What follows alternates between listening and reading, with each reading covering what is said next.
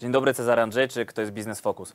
Będziemy dzisiaj rozmawiać o rynku pożyczkowym, który jest w ostatnich latach taką mocno rozwijającą się gałęzią gospodarki. Można by powiedzieć, że w dużym stopniu pokrył to zapotrzebowanie społeczeństwa na małe pożyczki, gdzie banki nie do końca były zainteresowane tym segmentem. I dzisiaj porozmawiamy o tym, jak ten rynek teraz wygląda, jak Polacy biorą te pożyczki, jak je spłacają oraz również na, na koniec troszeczkę edukacji finansowej. A będę o tym wszystkim rozmawiał z moim dzisiejszym gościem, panem Przemysławem Kubutem, wiceprezesem firmy Vivus. Dzień dobry. Dzień dobry. Panie prezesie, to może e, zgodnie z formułą mojego programu, bo zawsze staram się z gośćmi wyjść od takiej sytuacji ogólnej, później schodzimy coraz głębiej i za- zastanawiamy się nad poszczególnymi wątkami. Na początek pana zapytam, jak ten rynek pożyczkowy teraz w Polsce wygląda? Po, po tylu latach rozwoju i kolejnych podmiotów, które wchodzą do Polski i ten, tą, ten popyt za, zagospodarowują. Wy jako lider rynku widzicie, że to już jest maksymalna jakby maksymalny opór tego rynku, czy jeszcze, czy jeszcze jest przestrzeń na to, żeby rósł i te 6-7 miliardów złotych, na których się wycenia, e, ta wartość poszła jeszcze do góry. Jak pan to widzi? Rynek pożyczkowy jest bardzo dynamiczny i rozwija się zarówno e, ilościowo, jak i jakościowo. E, Utrzymuje dwucyfrowy wzrost z roku na rok, jeżeli chodzi o wartość sprzedanych pożyczek. E, Bardzo dużo dzieje się również w zakresie nowych inicjatyw i modeli biznesowych, które pojawiają się na tym rynku. E, To już nie są tylko kwestie kanałowe, czyli to sprzedaż online, krótko mówiąc, która szczególnie dynamicznie rozwijała się w ostatnich latach, ale to są przede wszystkim ruchy mm, integracyjne, tak, które widać e, w takich przejawach jak na przykład e, zakup Finaja przez Allegro, tak, które przygotowuje swoją ofertę finansową i integruje płatności z platformą sprzedażową e, jednocześnie z pożyczkami. E, Czy to są inicjatywy takie jak PayPo, tak, gdzie również mamy do czynienia e, z integracją de facto biznesu pożyczkowego e, z e-commerce'em.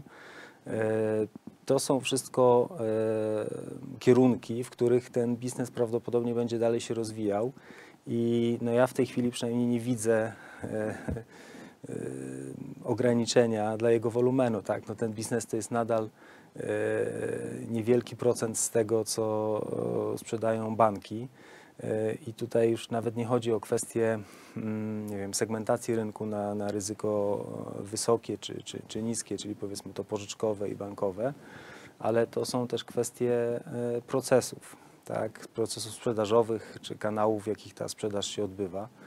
E, Firmy pożyczkowe e, przede wszystkim próbują docierać do klienta e, w kanałach zdalnych. W tym się coraz bardziej specjalizują. Nawet jakby mm, firmy, które funkcjonowały wcześniej w modelu offline'owym, dołączają do swojej oferty również możliwość kupna czy pożyczenia pieniędzy przez aplikację czy przez internet. No, nie, nie widzę tutaj na razie żadnych istotnych barier rozwojowych. Okej.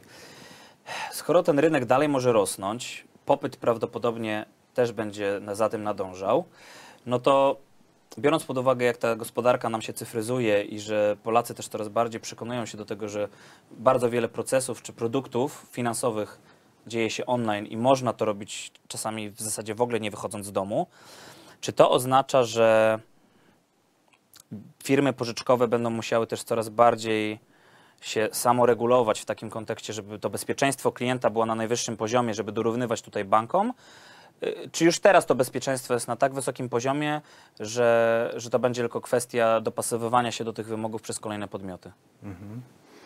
Samoregulacja jest y, bardzo ważnym elementem naszej działalności i robimy to jakby bezpośrednio e, jako organizacja, jako uczestnik e, stowarzyszeń, e, na przykład Polskiego Związku Instytucji Pożyczkowych. De facto odejście od gotówki jest e, krokiem w kierunku bezpieczeństwa. Jednak większość e, fraudów e, czy oszustw ma miejsce tam, gdzie e, przepływa gotówka, tak, jakby online e, i z punktu widzenia e, państwa ograniczania szarej strefy i regulacji podmiotów na nim działających jest znacznie łatwiej regulować niż e, działalność offline'ową, tak, gotówkową. Także chociażby sama natura e, tego biznesu powoduje, że on jest bezpieczniejszy dla, dla klienta.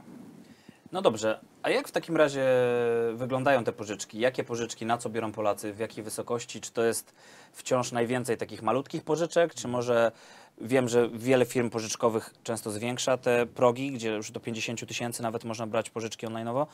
Czy idziemy w takim kierunku, że wciąż zapotrze- zapotrzebowanie największe jest na te małe pożyczki i potem reszta, czy, czy Polacy coraz więcej pożyczają przez internet? Polacy pożyczają coraz więcej przez internet, e, natomiast e, takie podstawowe dwie kategorie pożyczek e, to jest oczywiście ta pożyczka 30-dniowa, tak zwana chwilówka i pożyczka ratalna, installment loan na, no tam tenory mogą sięgać nawet 5 lat. E, Są firmy oferujące chyba nawet 7 lat w tej chwili.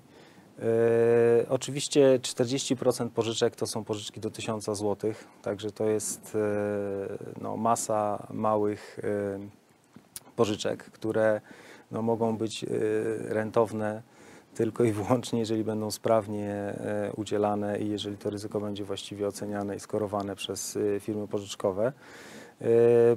Pożyczka 30-dniowa no, to jest typowe finansowanie pomostowe, krótkoterminowe e, na wypadek, nie wiem, awarii samochodu, jakiegoś przypadku losowego, czy nie wiem, chęci skorzystania z jakiejś promocji, która za chwilę się kończy. Tak, to są tego rodzaju albo pomostowe, albo impulsowe e, pożyczki. E, Te pożyczki ratalne to przede wszystkim jednak finansowanie konsumpcji, jakichś większych wydatków domowych. Czyli można założyć, że wydatki typu podróże, remonty domu, zakupy samochodu czy spłacanie rat samochodu, takie, gdzie ta gotówka jest wymagana w większej ilości, to jednak wciąż domena banków, czy, czy, czy też ludzie przychodzą do firm pożyczkowych po, po jakieś takie dłuższe pożyczki, o których Pan wspomniał, na trochę większe kwoty niż 10 tysięcy, niż 1000 zł, na przykład, nie wiem, 10 tysięcy złotych. Czy widać tutaj tendencję taką, że jednak ludzie wybierają firmy pożyczkowe zamiast banków? Ludzie wybierają firmy pożyczkowe zamiast banków y, przede wszystkim ze względu na proces.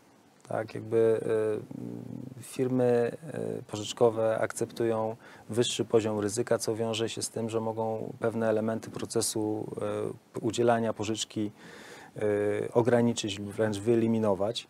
I to jest jakby podstawowym magnesem, który przyciąga e, klientów do firm pożyczkowych. Tak?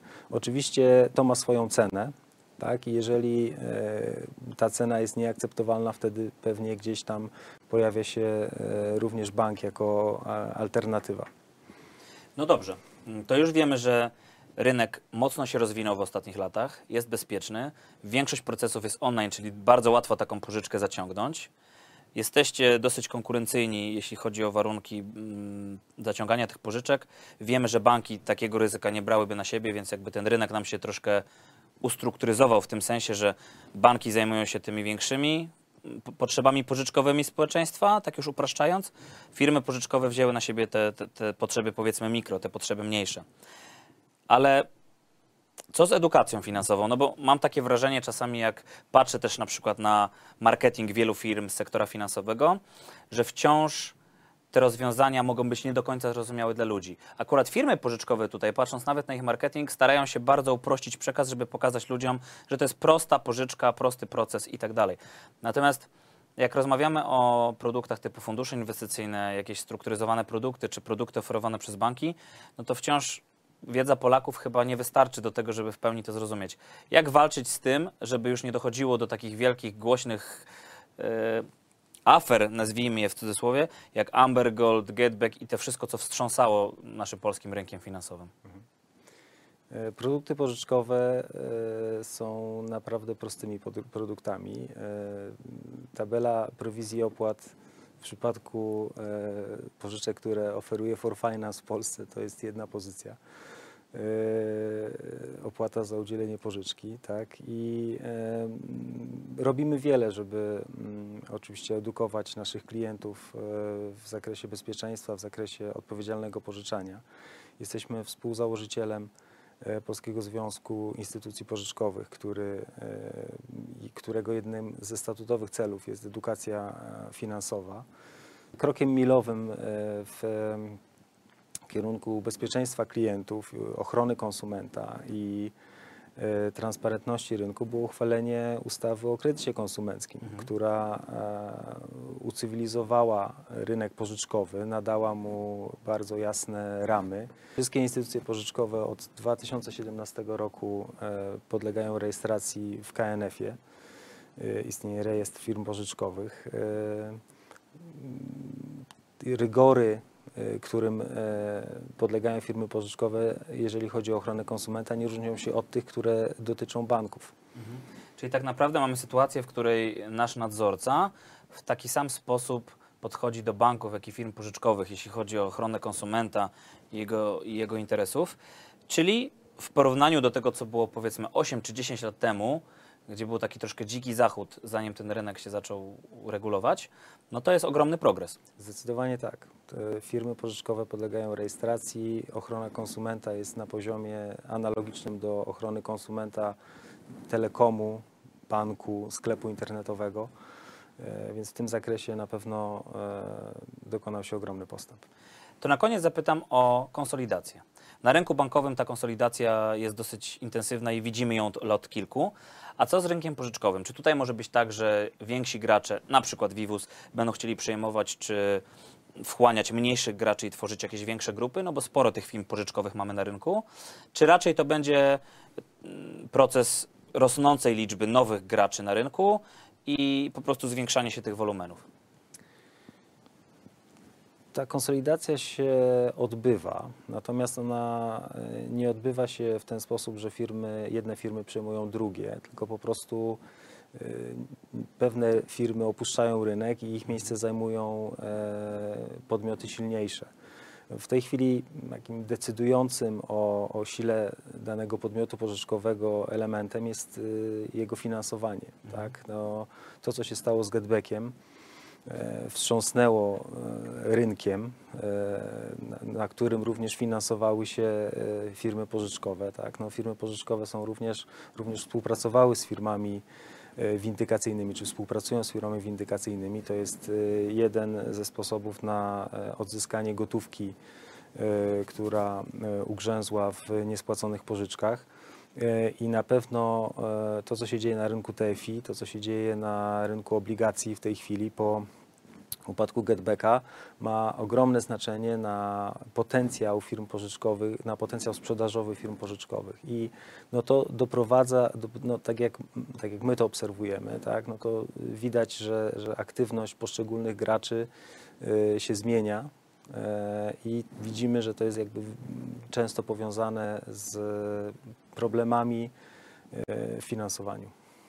Dużo ciekawych y, spostrzeżeń i wniosków, jeśli chodzi o polski rynek pożyczkowy, który prawdopodobnie będzie się rozwijał i warto to obserwować w najbliższych latach. Ja dziękuję za rozmowę. Moim gościem był pan Przemysław Kłobut, wiceprezes firmy Vivus. A Państwa zapraszam na kolejne odcinki Biznes Focus w każdy piątek o godzinie 14. Do zobaczenia.